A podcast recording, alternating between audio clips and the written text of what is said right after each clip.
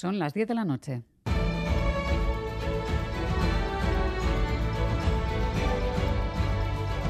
Radio Euskadi y Radio Vitoria. Servicios informativos.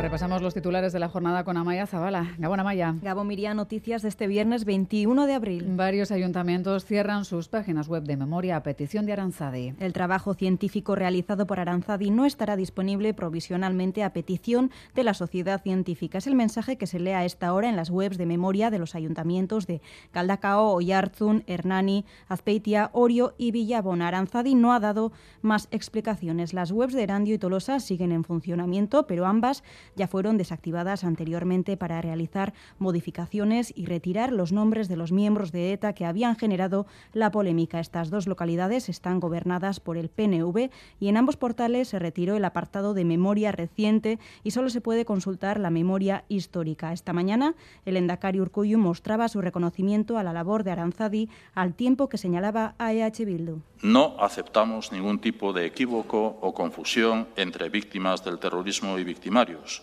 Desde un punto de vista ético, institucional y político, es incomprensible que Euskal Herria Bildu no entienda esto.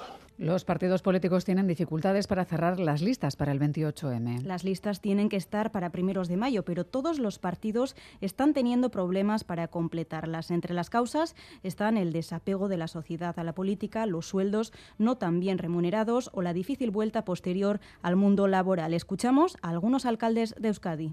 Lo que más cuesta encontrar es cabeza de lista, precisamente porque concejales es, es más fácil que al final, pues, si no tienes ventajas y tienes que perder tiempo, pues es complicado. De manera altruista no le puedes dedicar disponibilidad total. La gente joven tiene un hándicap importante. ¿Por qué? Porque es verdad que una vez de que tú puedas acceder a la política y puedas tener una liberación, luego la vuelta en función del tiempo que tengas que estar dedicándole a la política, el reenganche en el mundo laboral suele ser complicado. Sí que... El Gobierno vasco aprobará este martes el proyecto de ley de educación. Una vez aprobado en el Consejo de Gobierno, el texto será remitido al Parlamento vasco, donde iniciará su tramitación. El consejero de Educación, Joaquín Vildarraz, ha subrayado que estamos ante un momento histórico y emocionante. Une historiko baten aurrean gaude, baita une ilusionagarri baten aurrean ere. La ley de vivienda que se está negociando en el Congreso ha creado esta mañana un gran debate en el Parlamento vasco. Así es, Urcuyu ha acusado a EH Bildu de dejar entrar al Estado hasta la cocina de las competencias vascas. Akordio honen bidez, estatua Euskadiren eskumen eremuaren sukalderaino sartzea albidetu duzue. De facto, eta zenbait kontutan, Euskadiri dagozkion erabakien begirale bihurtuko lukete estatua. y la coalición soberanista y Podemos le han pedido que se deje de excusas y utilice las herramientas que ofrece la nueva ley para limitar el precio de las viviendas. Se insinúa que podría haber una inversión competencial pero, por otro, el pretexto para no controlar los precios de alquiler es que no hay una ley estatal que lo habilite. Ahora va a haber una ley, ahora no hay excusa. Adrielgo etxebizitza lege aplikatu eta urrengo egunean aplikatzen hasiko dira. Eta hemen itxaroten ari gara, ridikulizatzen dugu, el consejero de Seguridad, Josué Ercoreca, ha confirmado la principal hipótesis del crimen de Irún. Ercoreca ha desvelado que tanto los forenses como los investigadores de la Ertzaintza han podido concluir que uno de ellos mató al otro y luego se suicidó.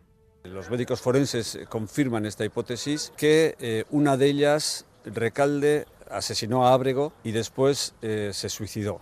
También, Perdón, también ha confirmado que ambos tenían una relación económica, aunque ha precisado que en cuanto a la motivación del asesinato, todas las hipótesis están abiertas.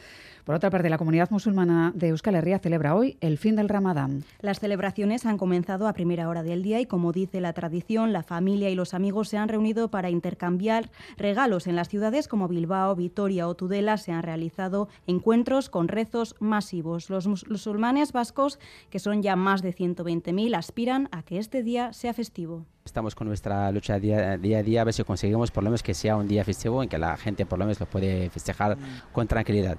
Ah, es todo, así terminamos. Más noticias en una hora y en todo momento en itv.eus y en la aplicación ITV Albisteac. Gero arte.